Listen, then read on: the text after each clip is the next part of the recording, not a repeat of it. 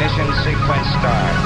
Five, four, three, two, one, zero. Quantum leap.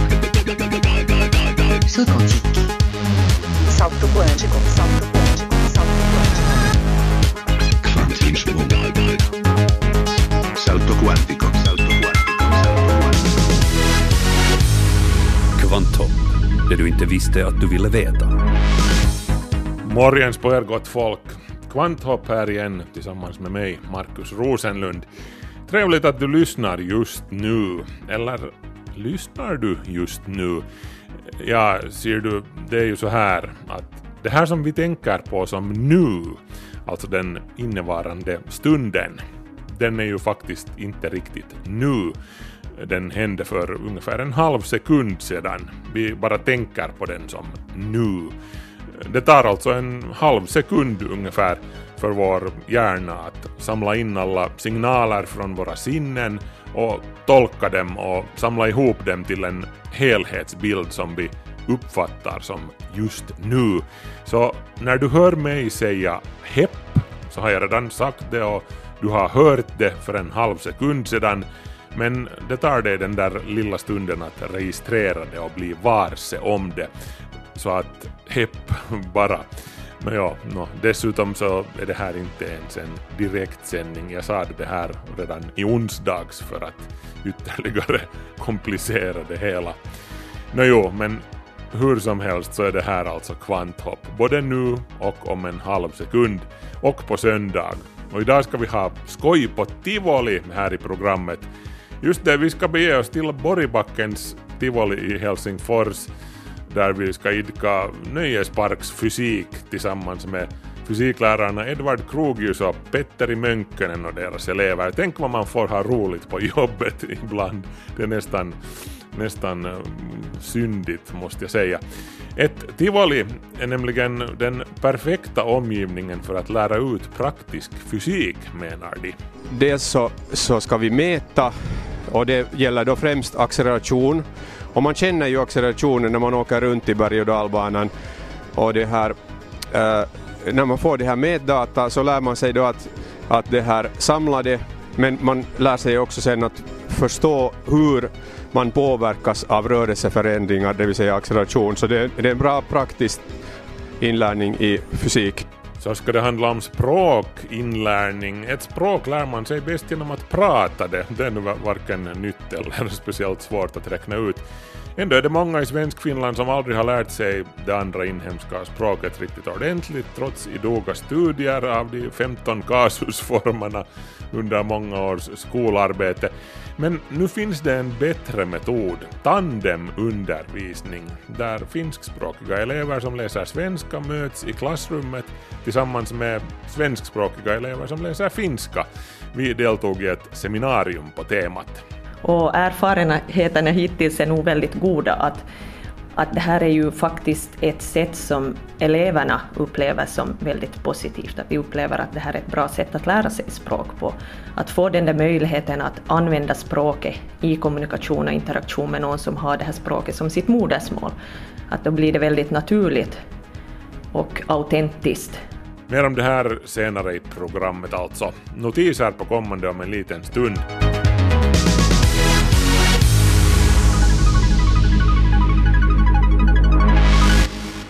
Dags nu för notiserna tillsammans med Ulrika Fagerström.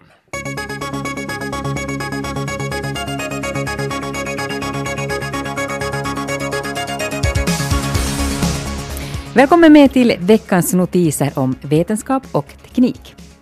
Brandman Sam har fått en konkurrent. Smokebot, det vill säga rökroboten, är en motordriven robot med larvfötter som kan röra sig i rökfyllda utrymmen och orientera sig med hjälp av radar och diverse olika sensorer. Själva grundkonstruktionen, den motordrivna kolossen, den är inte ny, men det är tilläggsutrustningen som forskare vid Örebro universitet i Sverige nu stoltserar med.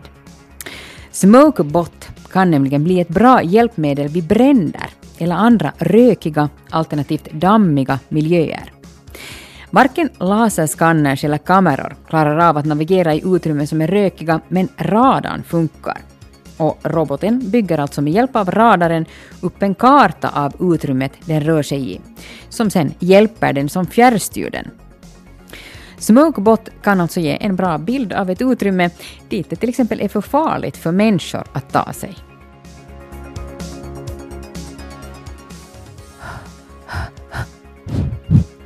En människas andedräkt kan säga en hel del. Både mindre och mer allvarliga åkommor kan märkas i utandningsluften. Men nu har forskare visat på att också en spännande film kan märkas i andedräkten. Forskarna bad sina försökspersoner att sätta sig i en biosalong för att titta på film, medan forskarna då en gång per 30 sekunder analyserade luften i rummet, det vill säga försökspersonernas utandningsluft.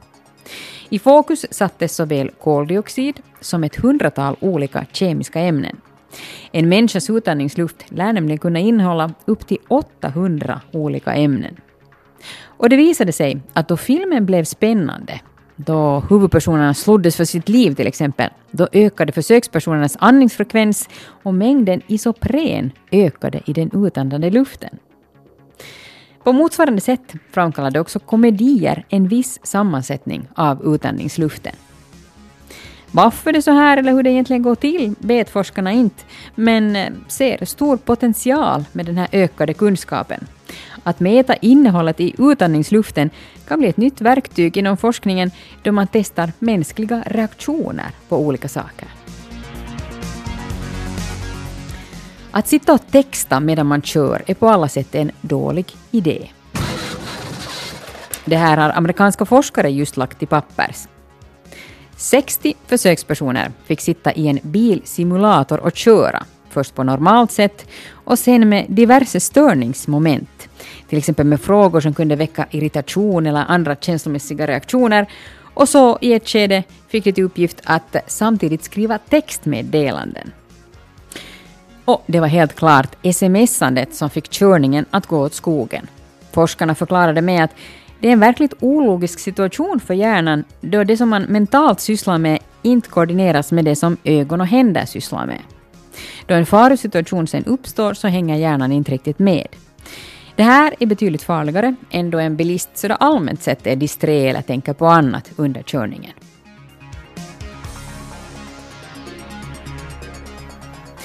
BBC berättar om en ny intelligent cykellampa. This looks like a traditional bike light, but it's actually a lot, lot more.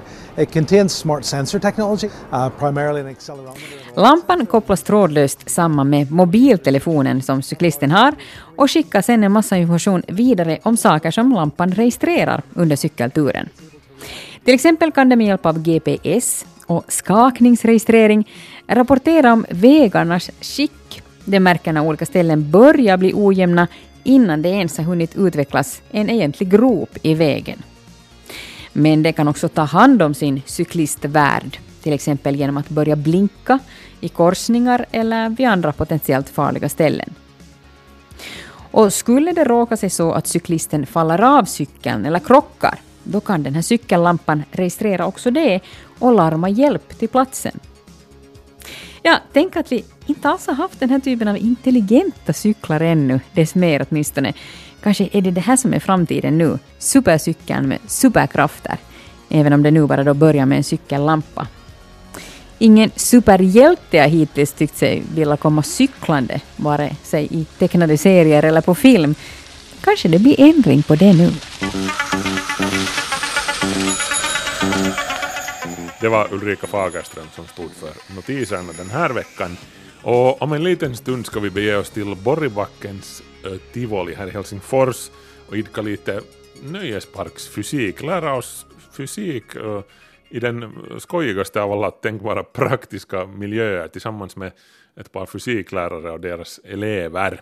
Kvanthopp snabela yle.fi. Nåja, nu befinner vi oss här på Borgbackens nöjesfält tillsammans med Edvard Krogius från Praktikum. Petteri Mönkkönen, Kauniaisten lukio. Berätta mina herrar, varför är vi här idag? Vi är här för vi ska göra tivolifysik och det är egentligen Petteri som har bjudit oss. Minkä takia ollaan täällä tänään?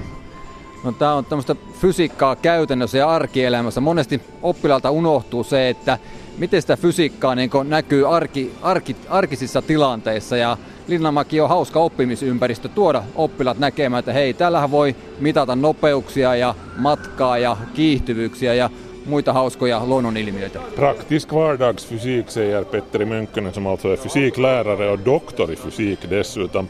Borgbacken är ett perfekt ställe för elever att upptäcka hur kul det kan vara att mäta saker som hastigheter, acceleration, g-krafter, avstånd etc. etc. Mitä haluaisit, että oppilaat ö, ottaisivat mukaan tästä vierailusta? No se, että he, mittaaminen on oikeasti tuota aika haastava prosessi. Et mekin mennään vuoristorataan, niin me joudutaan ajamaan sitä useamman kerran ympäri, jotta saadaan säädettyä mittalaitteet. Mönkkönen säger att han hoppas att eleverna lär sig det här med att samla in data. Det är inte så enkelt. Eh, Det blir till att repetera och att göra om så att man får väl kalibrerad och representativ data. Mikä esimerkiksi on maksimikiihtyvyys. Om jag skulle vara här, jag tänker komma kanske en annan gång med mina elever och, och det här som han sa då att, att det här, dels så, så ska vi mäta och det gäller då främst acceleration. Och man känner ju accelerationen när man åker runt i berg och dalbanan och det här eh, när man får det här mätdata så lär man sig då att, att det här samlade men man lär sig också sen att förstå hur man påverkas av rörelseförändringar, det vill säga acceleration. Så det, är- det är en bra praktisk inlärning i fysik. Ja. Tror ni att det kommer några överraskningar här för, för eleverna eller- er? Eller är det här, är det här ganska liksom straight från A till B?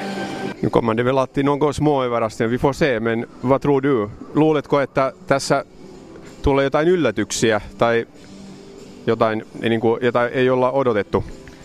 No, tavallaan aina tulee yllätyksiä oppilaille ja niitähän sitä just on tärkeä pohtiakin, että hei, että miten tätä nyt pitäisi tämä homma tehdä, että tämä onnistuisi.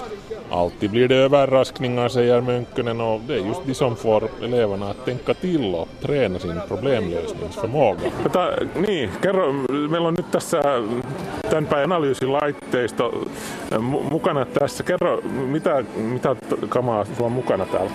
Mulla on tommosia ihan perus Lab Quest laitteita, joilla me voidaan mitata erilaisia fysiikan suureita, kuten nopeutta ja... Mönkkönen har försett sina elever med multi-instrument som registrerar inalles sju olika parametrar, bland annat GPS-position, acceleration och hastighet. Datan samlas in på minnespinnar och tankas senare in på datorer för närmare analys. Niin sitten niin kaiken kaikkiaan seitsemän eri suuretta mitata toisinsa nähden. Ja, Ja sitten myöhemmin, kun dataa viedään tietokoneelle, niin sitten voidaan analysoida eri juttuja. ja. ja te oppilaat, eh, te, te tuutte nyt kan, kanniskelemaan näitä ympärinsä. Oletteko te opiskellut näitä, tiedättekö te mitä ne tekee? Joo, ollaan me opiskellut. Meillä oli se tunti, meillä oli tunti viime viikolla, kun opettaja laitteiden käyttöä. Ja, ja. Miltä tämä vaikuttaa? Onks Mielenkiintoista. Joo, on mielenkiintoista. Eleverna har naturligtvis studerat instrumenten ingående och kan dem som sina egna fickor. och intressant är det, försäkrar de. Katsotaan, jännittävää. Lähdetään matkaan. Det där, medan vi väntar här, Edvard, berätta, du har säkert också varit här på Borgbacken som, som barn. Tänkte du någonsin på, på de, här- de här vetenskapliga aspekterna av, av, av det här eller var det bara roligt på den tiden? No, det var nog faktiskt så att det var bara roligt, men det skulle nog ha varit helt trevligt om någon skulle lite ha förklarat, för att man kände ju den där accelerationen i magen och ibland funderar man att, att vad är G-krafter, men, men det här, men inte har jag några sådana minnen att jag skulle ha som barn liksom kommit att tänka på, på hur mycket man kan lära sig här. Ja. Hyvä. Sitten siirrytään vuoristorataan. Niin Första det här attraktionen som vi ska analysera vetenskapligt är ju naturligtvis Borgbackens alla tiders klassiker, berg och dalbanan.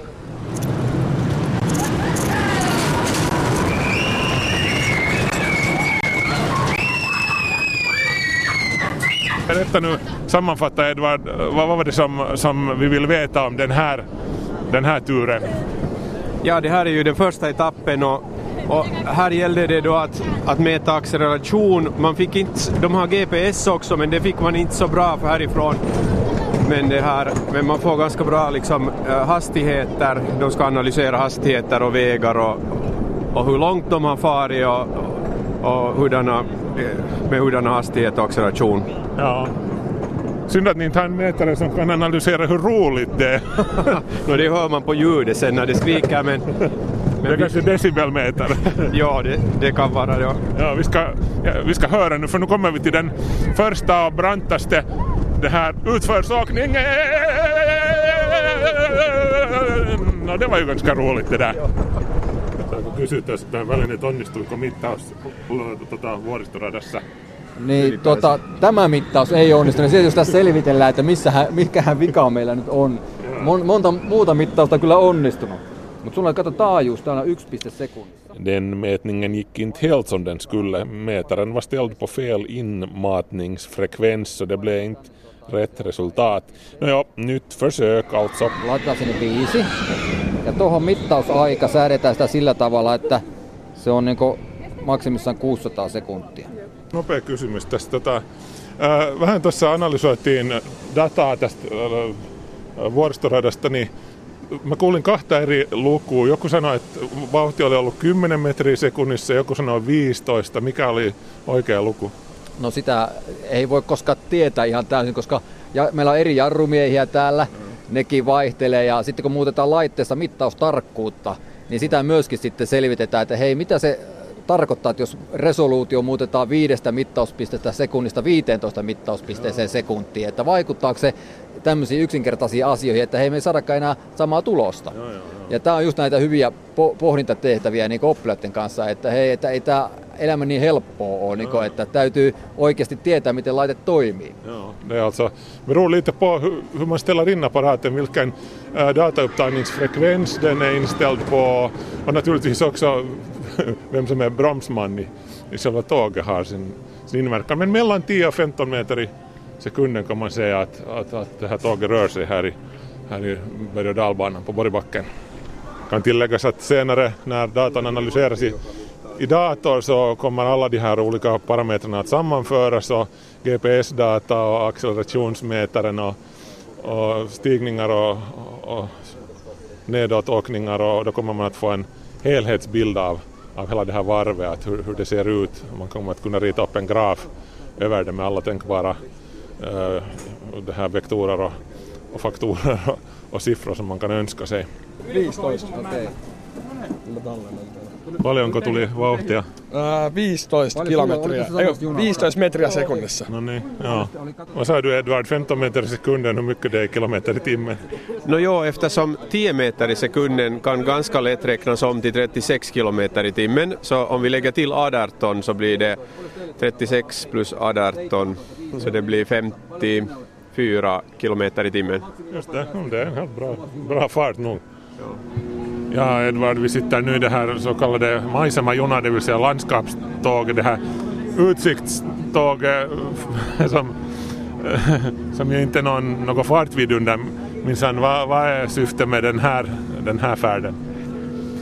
Jo, det är ju roligt att, att köra lite långsammare här mellan de här tuffa åkerna men att, att nu så här som fysikexperiment så, så det här ger ju, ger, eftersom då ställer de in sina mätare på GPS och en, en vad heter det, lägre mätfrekvens men de får ändå liksom en ganska bra liksom, uh, bild av den här rutten så att, så att det, när det går lite långsammare så, så blir det liksom lite lättare att förstå och se liksom att hur, hur, hur det här tåget har farit. Ja, man kartlägger liksom den här Ja. Ja, och sen efter det här så kommer det igen lite tuffare apparater. Ja.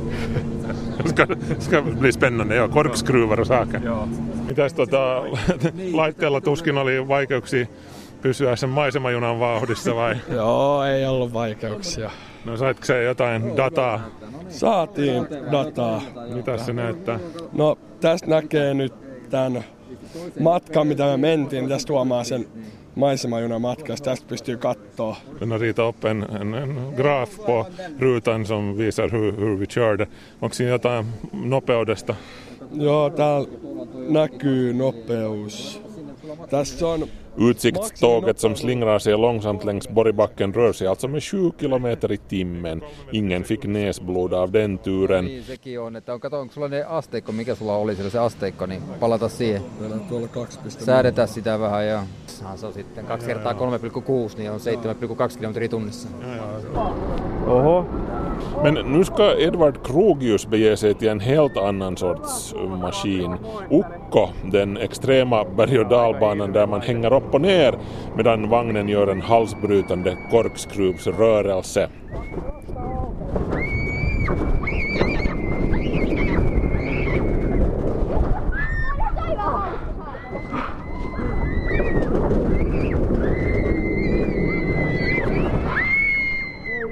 Tää on aika hurja vehje. Oho. Oi. Katsotaan, onnistuiko mittaus.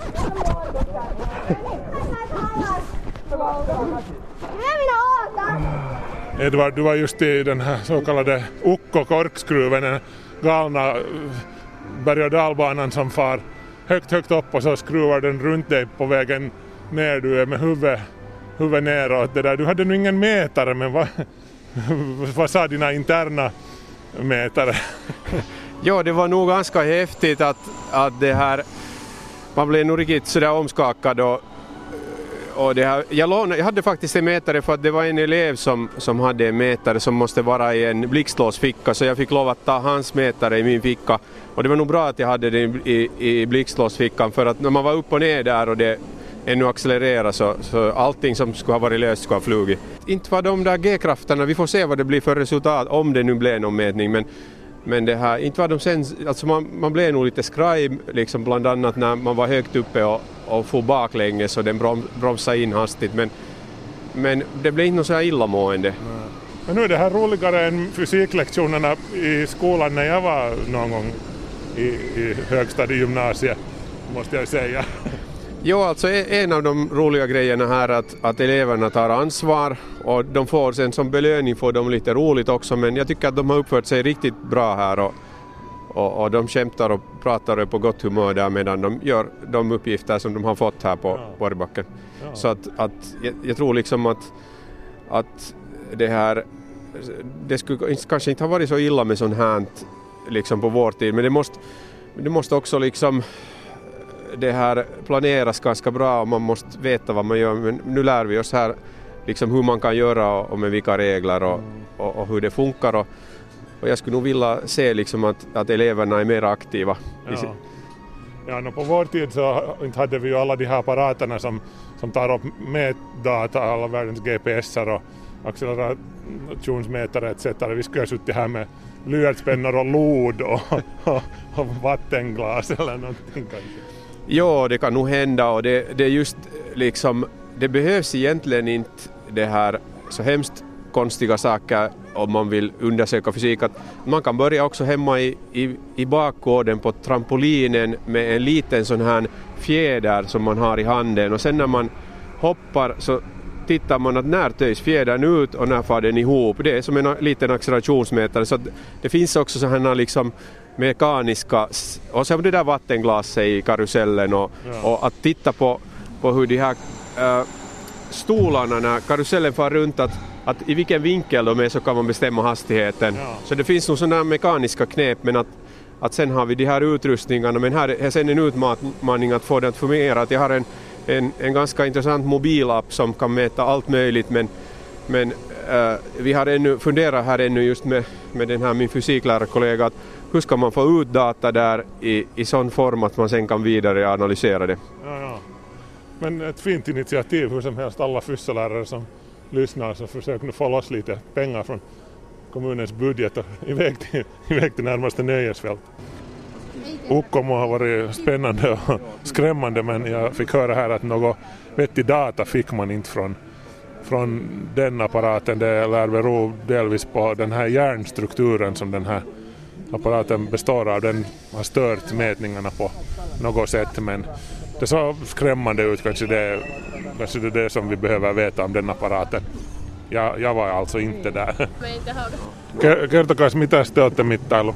me mita- mitattiin eka vuoristorataa ja me meni vähän huonosti. Me ei saatu aluksi mittaustuloksia, joten me jouduttiin mennä aika monta kertaa se. Ja sen jälkeen me mentiin maisemajunaan ja vielä sen jälkeen ketjukaruselliin. Onko se rankkaa tällainen uhrautuminen tieteen takia?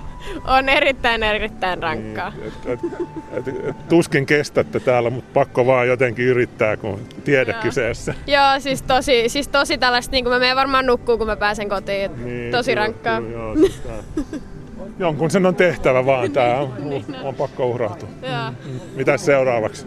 Ää, seuraavaksi me haetaan ruokaa ja sitten me jatketaan vähän toisiin laitteisiin. Joo, joo. No, mut, hauskaa päivää vaan. Kiitos. Tjejerna sa alltså att inte hade de fått så jättemycket meddata men roligt har det varit och det är ju så här att det är ett hårt jobb det här men någon måste uppoffra sig och man gör ju det så gärna när det handlar om vetenskapen så det är för allas vårt gemensamma bästa som vi gör det, de här eleverna här. No niin, hyvät herrat, mina herrar och herrar. Dagen börjar vara slut för den här gången. Mätningarna, mätningarna är gjorda. Uh, hur tycker ni att det hela gick? Miten, mikä, mikä jäi niin kuin käteen tästä? Joo, tämä oli hyvä mittauspäivä sillä tavalla, että onnistuttiin heti ja sitten myös tuli ongelmia vastaan, jota täytyy sitten lähteä selvittämään. Että En bra dag, säger Petteri Mönkkönen med mycket utmaningar för eleverna. Det blev många omtagningar och kalibreringar av mätarna och mycket problemlösning, vilket är bra. Det får inte vara för enkelt.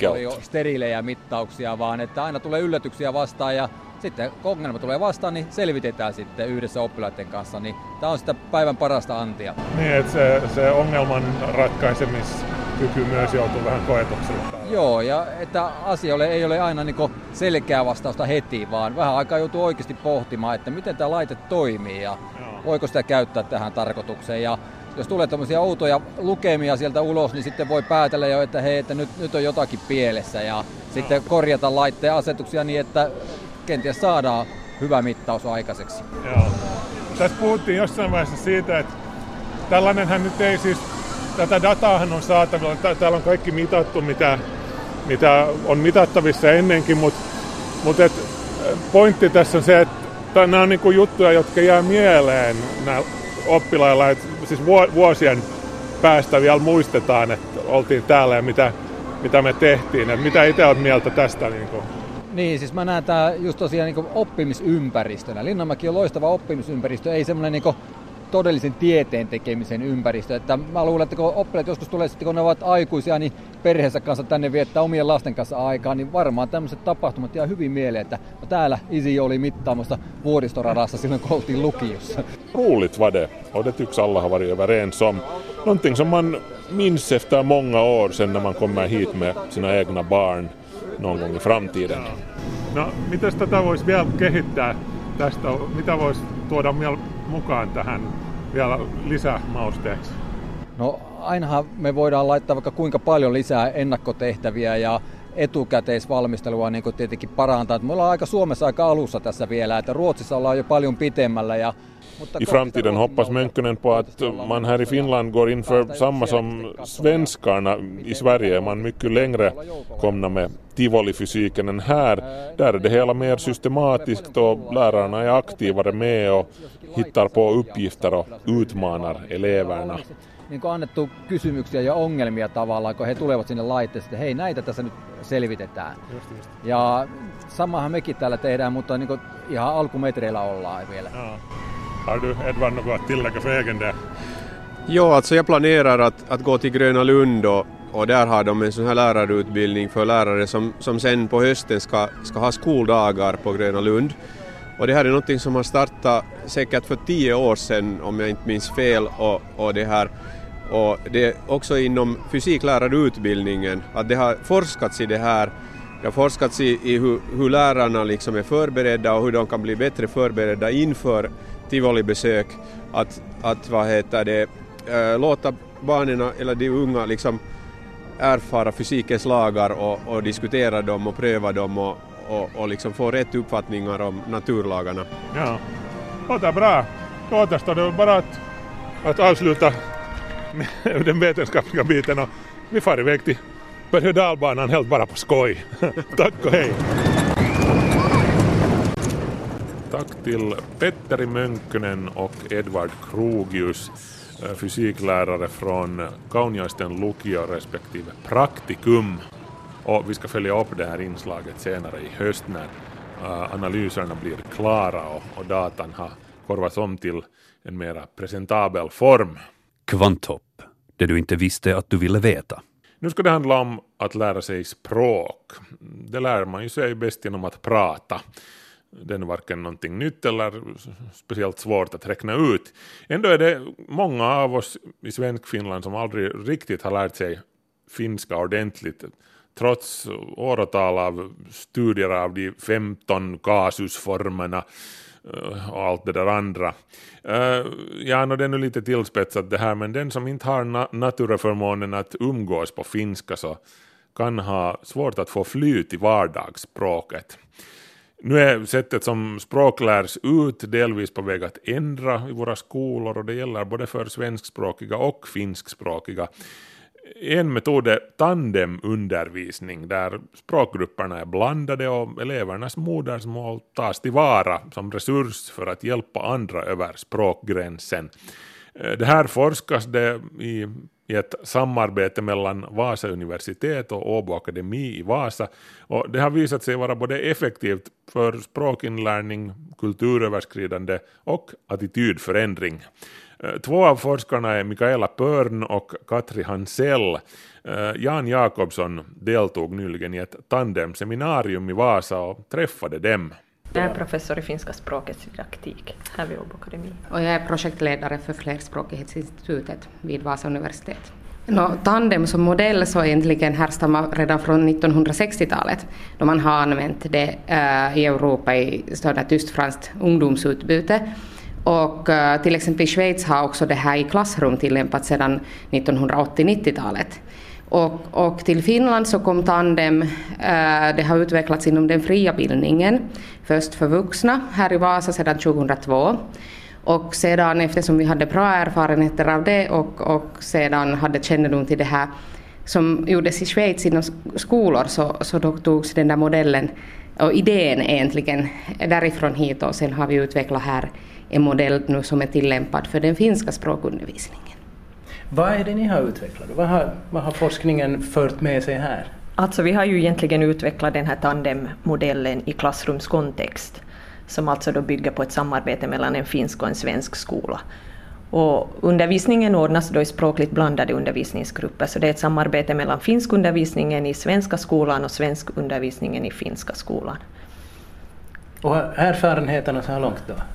Hur länge har ni hållit på? Vi har hållit på sedan hösten 2012 och erfarenheterna hittills är nog väldigt goda. Att, att det här är ju faktiskt ett sätt som eleverna upplever som väldigt positivt. Att vi upplever att det här är ett bra sätt att lära sig språk på.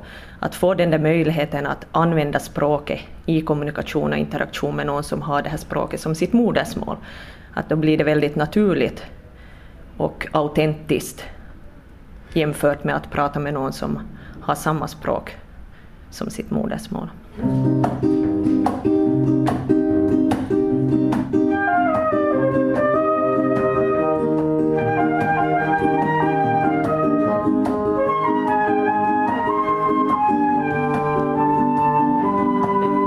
Men är inte egentligen väldigt mycket sunt förnuft som, som det här bygger på? Alla som har kastats ut i, i säg utbyteselev någonstans och inte var kunna riktigt språket så lär sig nog ganska fort det där.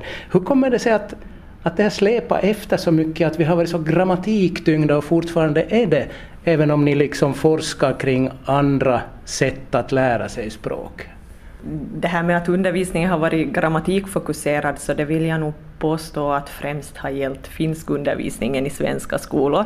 Att det är nog inte lika allmänt i främmande språksundervisningen att, att, att undervisningen är grammatikfokuserad. Men det handlar nog, det är en lång historia förstås som vi kanske inte kan gå in på här, men, men finskan är ju ett väldigt grammatikfokuserat språk också. Att det som vi har fått som feedback från eleverna i det här klasstandem är ju det att de ser att tröskeln att tala det andra inhemska språket sjunker för att eh, de märker att det spelar ingen roll om jag säger lite fel ibland. Att jag blir ändå förstådd och jag kan ändå kommunicera. Så att det har nog funnits där den där tanken hos många, inte hos alla men hos många, att man borde kunna, att ska man öppna munnen så ska det komma ut korrekt. Och när det gäller finskan så är det ju också, tror jag, det handlar mycket om att finskan är vår, vårt majoritetsspråk, att man förväntas kunna finska perfekt och därför blir tröskeln hög att öppna munnen på finska eftersom det förväntas att finska ska man kunna. Då, vad, har ni, vad säger ni då som forskare i det här? Var, vart borde vi gå när det gäller grundundervisning i, i finska eller svenska för finska elever? No, vi borde ju gå och går faktiskt i den riktningen att den är mer kommunikativ, alltså bygga på att man, an, man lär sig språk genom att använda det i kommunikation och då borde man också öka de här möjligheterna för eleverna att få komma i kontakt med det där språket, få använda det praktiskt. Och, och där har det ju hänt en hel del tycker jag de här senaste åren faktiskt. Att om man ser de nya läroplansgrunderna som träder i kraft nu på hösten, så där betonas just det här att, att det ska vara kommunikativt, man ska lära sig använda sina språkkunskaper, även om man inte kan språket perfekt eller ens så jättebra. Och också det här att man ska skapa kontakter mellan språkgrupperna och den här förståelsen för den, för den andra språkgruppen och människor som talar det andra språket, att det är också viktigt. Och det får man ju här via personliga kontakter. Har eh, det ni sysslar med och det ni forskar på påverkat det här, att det, att det sker förändringar? Ja, vi, vi vill väl tro det. vi hoppas och tror. Och visst sker det förändringar hela tiden och det går ganska snabbt framåt nu. Och det är ju förstås att forskningen stöder det på det sättet att det är lättare för lärarna också att utveckla sin undervisning då man får också uh, utomstående som kan analysera resultaten, att det är inte bara så att ja, det känns som att det här fungerar, utan att vi kan bekräfta och vi kan tillsammans med lärarna då arbeta modeller som fungerar på riktigt och, och analysera det mer i detalj än en lärare kan göra samtidigt som man ändå undervisar och har ansvaret för hela klassen.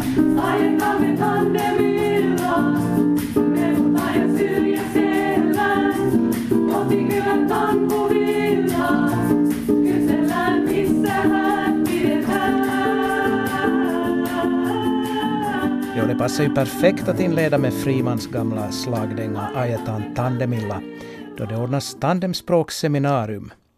I samband med det här seminariet gavs handboken Klasstandem, en resa över språkgränsen ut. Den bygger på de erfarenheter som Mikaela Pörn och Katri Hansell berättade om och som kommer från det tvåspråkiga gymnasiecampuset Lykeion i Vasa. Där samsas en svensk och finskspråkig gymnasieskola under samma tak. Och också om styrkeförhållandet är ganska ojämnt, cirka 150 mot 800, så gör det ju det enkelt att samordna språklektionerna så att man kan ha tandemundervisning. Men språklärarna Åsa Löv och Heli Koskinen, som har varit med och skrivit den här handboken, säger att det inte är en förutsättning. Nej, inte det nödvändigt. Liksom. Nej, 2009 har vi haft den första kursen och då befann vi oss på olika adresser. Att då, det som är satt så där schematekniskt var att vi placerade lektionerna i slutet av dagen för då kunde de studerande förflytta sig, det var en, kilo, en och en halv kilometer mellan skolorna. Så att det är ju inte, alltså man kan ju förflytta sig men det kanske sätter då schematekniskt lite mera begränsningar. Men det är ju självklart att det underlättar samarbetet. Alltså, då ja. vi är under samma tak. Absolut. Hurdan situation var ni från början? Hurdana var dina elever, ska vi säga, när det gäller, eh, gäller språkkunskapen i, i svenska? Ja, alltså det är nog ganska överraskande egentligen att fast vi bor i en tvåspråkig stad så har de flesta ungdomar inte någon kontakt med de svenskspråkiga. Alltså den uppfattningen har jag fått i alla fall. Kanske via någon hobby eller någonting men ändå så är det ganska nytt för dem faktiskt. Hur är, hur är det med dina elever? Ja, vi har ju på det sättet just när vår skola har ju hälften av de studerande är fullständigt tvåspråkiga och sen finns det då en tredjedel som eh, är väldigt duktiga i finska men så har vi då den där ena tredjedelen som har stora problem i, i finskan. Så att, att det här finns av alla de sorter och jag tycker att, att om man då jämför med de här svenska, alltså de som ska studera svenska så vi har hittat ganska väldigt bra par där, att vi har mixat för att det finns de som har bra, bättre kunskaper i finska och svenska men de som har stora problem också. Och, och det här, bara man hittar rätt par att jobba med så får alla ut någonting av tandem. Vi står i ett väldigt Ja. skramligt seminarium här nu men jag hoppas att det flyttas stolar, stolar hit och dit. Det är på tandemseminariet som, vi- som vi träffas. Va, vad skulle ni säga, kan ni mäta liksom att det har hänt saker som inte skulle ha hänt om ni inte skulle ha hållit på med tandem? Nåja, vad skulle man nu säga på attityderna har säkert ändrats lite nog. Uh, då man tänker på ungdomarna. Och sen så är man lite tvungen att fundera på sig själv också, på sitt sätt att undervisa. Så jag tycker att vi har nog fått ganska mycket själva utav det här också. Ja, som lärare. Som lärare, Så är det. ja. Och jag har ju då kunnat följa med samma studerande i tre år. Och jag har nog sett en sån där utveckling från att vara väldigt blyg och inte våga riktigt prata finska till att vara den där som verkligen vågar öppna munnen och Ja. säga vad man tycker fast inte allt ändå efter tre år heller blir helt rätt. Och sen när vi har gjort mycket utvärdering bland de studerande så det var de anser är just det här att de har vågat börja prata mer och att de har ju fått prata nu under tandemkurser mer än de någonsin har fått prata tidigare. Och då tänker man ju ändå att de har studerat då finska i, ja vad blir det, sex sju år före de kommer till gymnasiet. Det tror, jag också faktiskt är det bästa som har hänt, att de vågar prata, de litar på sig själva, vågar öppna munnen. Jag tycker ni att man ska undervisa på något annat sätt? Säkert lite både och. Jag tror nog att traditionell undervisning behövs också. Men kanske det skulle så småningom kunna ändras lite åt det här hållet att det är eleverna som själva jobbar sinsemellan, att det är inte bara läraren som undervisar. Och Mm. Alltså ingenting måste ju säga att man måste ha just tandem. Men det att man skulle kanske frångå den här sättet att man bara sitter och läser i en bok och fyller i uppgifter, att man överhuvudtaget för språkundervisning mera mot det här kommunikativa. Och det som vi nu har jobbat mycket med att man kan ju också undervisa och lära sig grammatik kommunikativt, vilket ju alltid har varit den här stora frågan och Ja. den här eh, stötestenen för många studerande för de tycker det är så tungt och jobbigt att lära sig den där grammatiken. Men sen också när du lär dig ett språk så väcks intresse att också se strukturen bakom språket. Så man måste ta det i rätt ordning helt enkelt. Just det. Precis. Språklärarna Åsa Löv och Heli Koskinen, som alltså undervisar på gymnasiestadiet. Också de båda universiteten i Vasa har haft ett visst tandemutbyte där en grupp har träffats några gånger och både gjort praktiska saker tillsammans som att laga mat eller suttit på krogen och spelat bredspel. Det som framkom under tandemseminariet att ett sånt här utbyte raserar fördomar, förändrar attityder och ger inblick i den andra språkkulturen, förutom att man lär sig språket. Det stämmer bra också här. Jarno Välimäki från Tammerfors studerar vid Vasa universitet. Mulla on ollut kanssa lukiossa silleen, että se ei välttämättä ihan maistunut niin paljon se ruotsin opiskelu. Ja tota, sen takia vähän se oma kielitaito Ruotsissa on aika lähtötasolla vielä.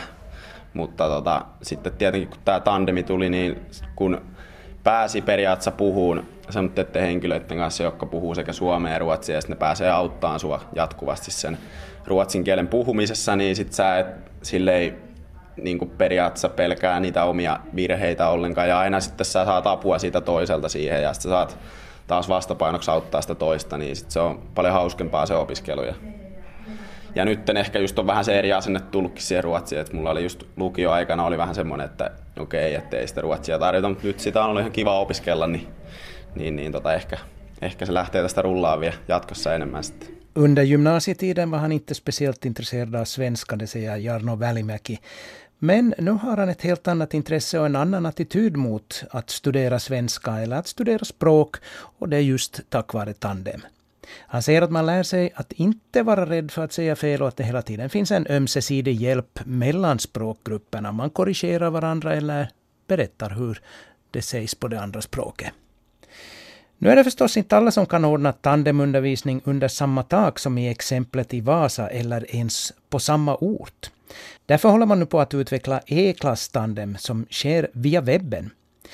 Då sitter ett tandempar vid varsin dator och tar sig an dagens uppgift som kan vara allt från att berätta om vad man gjort på lovet till styrda dialog och uttalsuppgifter. Två skolor som har börjat med det här är Petalax gymnasium och Leppävirran lukio i Norra Savolax. Äh, meidän siellä hotellilla, missä tekin olitte silloin, kun olitte. Oh. Okei. Oliko niinku, se jonnekin muuhun? Hmm? Oliko se, menikö se me hiihtämään tai? Ähm, No, Okei. No, mikä oli hauskinta sitten hiipumassa? No varmaan olin kavereiden kanssa. I Leppävirta så är det väldigt enspråkigt finskt och kontakten till svenska språket är väldigt bristfälligt. Och samma sak i Petalax på motsvarande sätt. Så det E-klass tandem möjliggör ju att de här eleverna i de här två skilda världarna kan mötas på ett språkligt plan men också på ett kulturellt plan. Kan du kort berätta hur det går till? Nå, kort sagt så betyder det egentligen att, att det krävs inte så mycket mer än en, en dator med internetuppkoppling av eleverna. Och, och eh, sen så loggar de in på en lärplattform som vi har. Och eh, på den lärplattformen så kan man se att det är en miljö där vi samlar material, instruktioner och, och eh, arbetsmaterial. Och eleverna möts då via den här lärplattformen så kan de mötas face to face i och med Skype för business.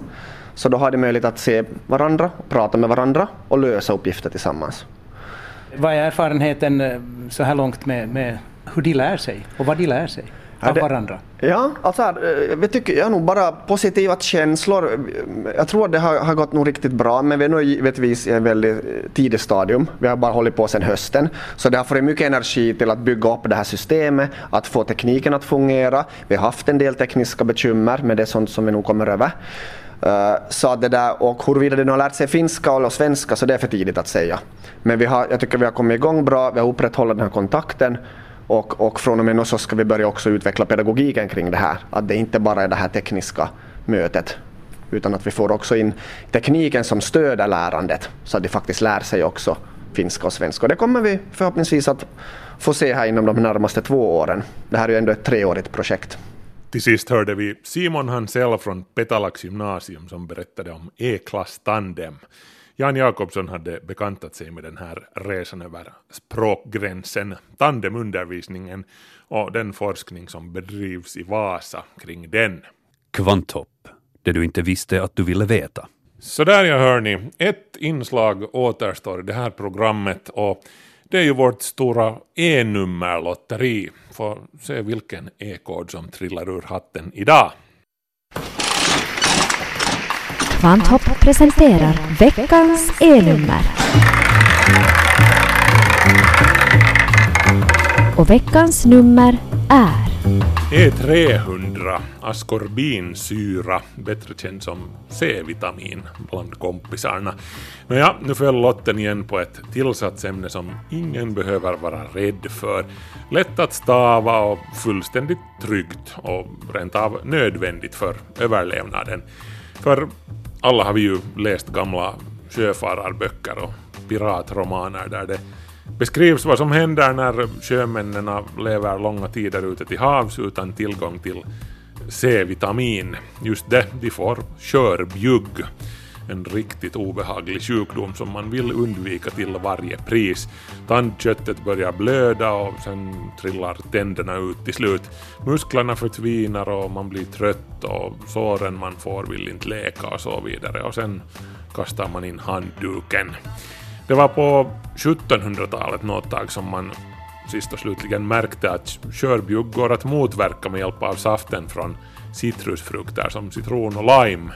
Eh, först trodde man att effekten berodde på att nämnda frukter var sura, så man antog att ättika funkade på samma sätt, men inte gjorde den ju det. Eh, numera är det ju lätt att undvika körbjugg till sjöss, det är bara att gå till Sverigebåtens bufféfrukost och ta sig ett glas apelsinjuice. Citrusfrukter är som sagt rika på C-vitamin, men det är också potatis, grönsaker, sura bär, paprika, svarta vinbär, jordgubbar och inälvsmat som lever och binjurar. Fast av de sistnämnda så finns det inte vid frukostbuffén på Viking Mariella, lyckligtvis. Vi människor har det ju inte lätt när det kommer till C-vitamin, askorbinsyra alltså. Vi hör till de otursamma arter som är försedda med en enzymdefekt som gör att vi, till skillnad från många andra arter, till exempel hundar, inte kan producera vårt eget C-vitamin i våra egna kroppar. Min hund kan det, men jag kan inte.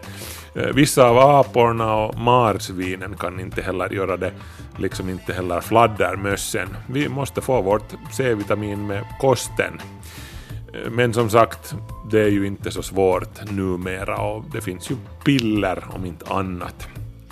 Vi behöver C-vitamin bland annat för att det underlättar upptagningen av järn i magen. Det är också nödvändigt för bindvävens ämnesomsättning. Eh, C-vitamin är en antioxidant som också minskar på risken för att få depressiva syndrom och så är det viktigt för balansen i hjärnans kemi. Eh, Rekommenderat intag är 30-60 milligram per dag för en vuxen person. Fast eh, man ska kanske inte överdriva C-vitaminets nyttoeffekter heller. Eh, Nobelpristagaren Linus Pauling till exempel påstod redan 1967 att eh, C-vitamin i höga doser skulle motverka inte bara flunsa utan cancer. Men numera vet vi att C-vitamin åtminstone inte skyddar mot cancer och till och med det där med förkylning är tvivelaktigt. Det finns viss forskning som tyder att en massiv dos på flera gram C-vitamin om dagen skulle förkorta förkylningens längd, men undersökningar från bland annat Helsingfors universitet och från Australiens nationella universitet eh, visar igen att C-vitamin inte hjälper att förebygga förkylningar eller influensa. Nu är det säkert någon som, som får klåda i skrivarfingret och varsågod bara skriv till kvanthoppsnabelayle.fi om ni är av annan åsikt och har, har bevis på det här med eget exempel kanske. Hur som helst så askorbinsyra, C-vitamin, är värmekänslig.